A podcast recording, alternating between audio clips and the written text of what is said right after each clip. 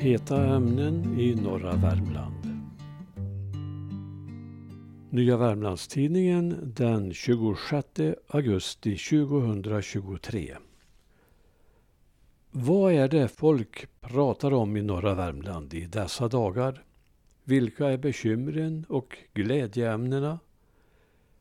Jag har samtalat med en del boende och jag har lyssnat efter stämningar men också funderat själv. Sommarens väderlek är ett väntat samtalsämne. Väder pratar man ju alltid, men den här sommaren har varit ovanlig enligt de flesta. Första delen var ju solhet och varm, långt utöver det önskade och de framspirande blåbären såg ut att ge upp innan de var halvvuxna. Så kom regnet och det var inte på smått vis. Minst lika lång som torkan blev regnperioden och bäckar och älvar steg långt över vanliga vårflodsnivåer. Regnvädren är oundvikligen kopplade till det näst vanligaste samtalsämnet, nämligen vägarna. En månad efter min krönika där jag beskrev vägbekymret i norra Värmland hände det. På en känslig sträcka på Gunnebyhedarna drog regnet med sig en massa sand på vägbanan på väg 62 och parkeringsplatsen på andra sidan av vägen försvann delvis ner i djupet. Som väl var kom ingen till skada men vi fick ännu en påminnelse om sårbarheten i övre Klarälvdalens vägnät. Ja, ordet vägnät är för all del inte adekvat eftersom det stora bekymret är att det bara finns en väg med knappt godkänd standard. Här var vägarbetarna snabba och såg till att ena körbanan blev farbar efter ett dygn. Många har hört av sig med anledning av min krönika. Många som menar att det är en stor skam att de styrande, vilken sida de än tillhör, i alla år har blundat för problemen med vägstandarden längs Klarälven.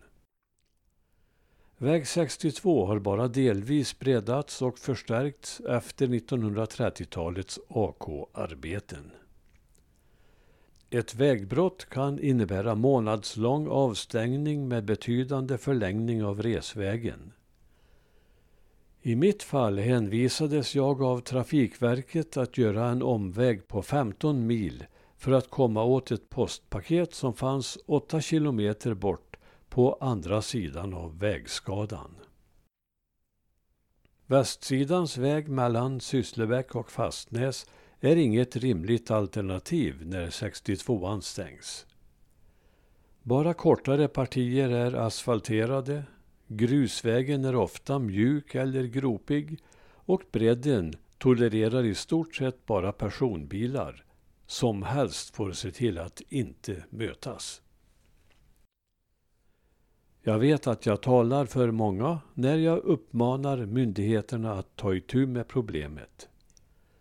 Kan man få ett uttalande här i tidningen från Trafikverket eller varför inte landsbygds tillika infrastrukturministern som ändå är värmlänning och väl läser NVT? Det gäller inte främst bekvämlighet utan framförallt invånarnas och turisternas säkerhet. Höghastighetståg mellan storstäderna kan vi vara utan. I en annan stridsfråga är Fortum inblandad på olika fronter. Det gäller utrivning av dammar som inte längre är lönsamma eller ens används. Följden av en sådan utrivning blir att vattennivån sänks till en så låg nivå att det ställer till stora bekymmer för de närboende. Det är främst många sjönära fritidshus som kan få förlängt avstånd till en krympande sjö och riskerar att få, som någon sa, ett stinkande dyhål nära inpå. Vid Roinjärv på Finnskogen har fastighetsägarna begärt en utredning om möjligheten att ta över dammansvaret. Vid näraliggande Kinnsjön har Fortum köpt campingplatsen som ligger intill dammen och detta för att lägga ner den. Man ser en risk i att ha en sådan plats för allmänheten så nära en damm. Bolaget har också köpt näraliggande Folkets hus som dock ligger på en högre nivå, uppenbarligen bortom risk vid dammbrott. Ändå planerar Fortum att riva denna byggnad som varit byns samlingsplats under årtionden med bland annat kiosk och servering. Det morras åtskilligt mot detta på sociala medier. En oro finns också för att Kinnsjödammen ska rivas och att sjön därmed ska försvinna. Norra Liksjön har en damm som enligt Länsstyrelsen betecknas som herrelös. Där tycks det ännu vara oklarheter mellan Fortum och Länsstyrelsen beträffande ägande och ansvar. Men nivån har redan sänkts med en meter utan information till berörda parter och framtiden är osäker. Brannäsanläggningens kraftiga expansion är också föremål för många funderingar och diskussioner bland folket i norra Värmland. Jag hörde till dem som såg turismen som en räddning för norra Värmlands överlevnad.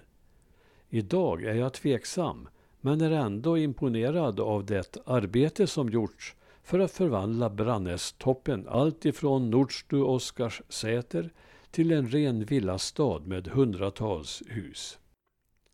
Planer lär finnas på en fördubbling. Men många börjar undra vad kommer fortsatt utbyggnad att innebära för kommunen som nyss byggt ett reningsverk för 300 miljoner kronor för området? Tvingas kommunen hänga med på en fördubblad utbyggnad kan inte bolaget självt stå för kostnader av den arten. Ursäkta pessimismen, men förändringen från optimism till begynnande pessimism kan bero på tilltagande ålder hos mig och flera andra åldrande bosatta. För visst har Brannäs utbyggnad betytt mycket positivt för byggare, leverantörer och handel i området. Men frågan är vad Brannäs bönder väntade sig när de sålde sin mark för småpengar. Meningen var väl i främsta rummet att en utbyggnad skulle ge fasta arbetstillfällen och positiv befolkningsutveckling till bygden. Men hur har det blivit? Om man jämför antalet boende i byn Brannäs fanns grovt uppskattat 20 personer bosatta vid utbyggnadens början 1988. Idag är antalet ungefär detsamma. Och antalet boende i tidigare Finnskoga Dalby kommun har nästan exakt på decimalen halverats från 1988 till 2022. Allt fler börjar undra hur detta är möjligt. All satsning i pengar och arbete var allt till ingen nytta. Eller till vilkens nytta? Många som jobbar med brandnästurismen är fast anställda. Men hur stor andel av dessa bor och skattar i Torsby kommun? Och säsongsarbetare kommer ofta från andra orter. För övrigt undrar många varför huvudkontoret inte finns i norra Värmland. Och skatten från mängden fritidshus, kommer någon del av den Torsby kommun till godo? Vad är befolkningens vinst? Liknande resonemang hör man allt oftare blandade med oro för hur vintrarna ska arta sig i framtiden. Vad händer med området och mängden stugor om uppvärmningen av jorden når norra Värmland? Sunnes skidanläggning har ju redan blivit drabbad. Mitt i dessa dystra tankegångar måste man ändå berömma Brannäsbolaget för deras skötsel av vintersäsongen på ett mycket bra sätt.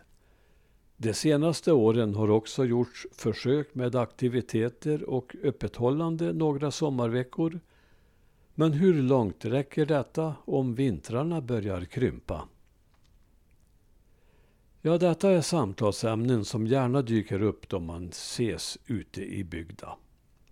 Och allt fler tycker att det kan vara färdigbyggt snart. Slutligen vill jag nämna att jag och några hundra personer till gladdes åt den fina postuma hyllningen till den nordvärmländska ikonen Petteri Boa. Kommunen och hembygdskämpar i Norra Finnskoga ordnade en fin minnesfest i Höljes där den filantropiske handlaren fick en samlingsplats vid Finnskogajätten och Höljes handel uppkallad efter sig. Peter i Boas plats. En liten bildtext kan också få hänga med här. Bebyggelsen på Brannäsbergets topp är stadsliknande. Stugor och lägenheter i flera hundratal och nya stugor växer upp hela tiden.